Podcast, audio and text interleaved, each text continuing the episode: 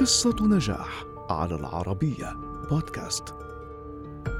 رغم عدم إكمال سايمون كاول دراسته إلا أن شغفه وولعه بالموسيقى والفن جعله ينتج عدة مسابقات موسيقية مثل بوب آيدل وبرامج استكشاف المواهب Got Talent ليصبح بعدها أيقونة لجان التحكيم في عروض المواهب والغناء وكون ثروة وصلت إلى 600 مليون دولار. ولد سايمون كاول في لندن عام 1959 وبسبب سلوكه السيء ترك المدرسة وهو بعمر 16 عاماً. فحاول والده بعدها ترتيب عدة لقاءات عمل له إلا أنه كان يعتبرها مملة وكان دائما ما يفسدها وكان يكن للموسيقى اهتماما كبيرا. واستقر سايمون أخيرا على وظيفة في البريد لشركة EMI Music للنشر والتوزيع الموسيقي. وترقى في عمله حتى أصبح مساعد المدير التنفيذي في الشركة عام 1979 وفي عام 1985 أسس سايمون شركة Fanfare Records مع شريكه إيان بورتون. وأنتجت الشركة عدة أغاني ناجحة مثل Toy Boy و So Macho إلا أن الشركة أغلقت أبوابها عام 1989 بسبب ضائقة مالية واضطر سايمون إلى العودة للعيش مع والديه. وفي العام نفسه وقع سايمون مع شركة BMG Records للعمل كمستشار ومستكشف للمواهب لإيجاد فنانين جدد للشركة. وهنا كانت نقطة قوة سايمون.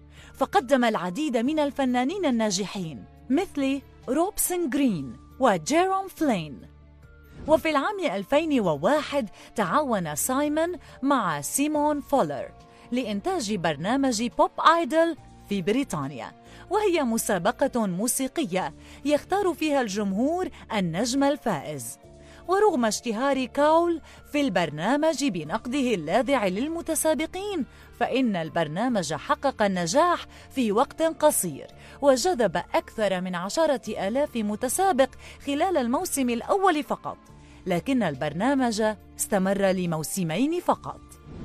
سافر كاول بعدها إلى أمريكا وشارك في برنامج أمريكان آيدل الذي انطلق عام 2002 وكان ضمن لجنة التحكيم في البرنامج. وسرعان ما أصبح البرنامج التلفزيوني الأمريكي الأكثر مشاهدة وكانت انتقادات سايمون الجريئة والصريحة للمتنافسين وحتى لزملائه سببا في نجاح البرنامج.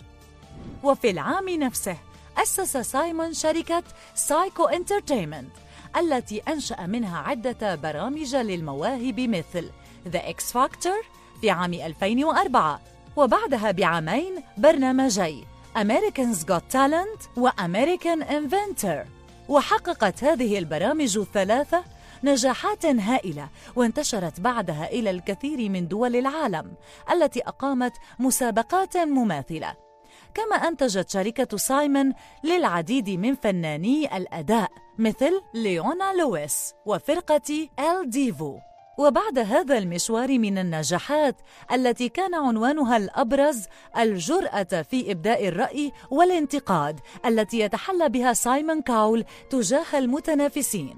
أصبح أحد أهم المحكمين في برامج المواهب في العالم. ووصلت ثروة سايمون مع نهاية 2021 إلى 600 مليون دولار.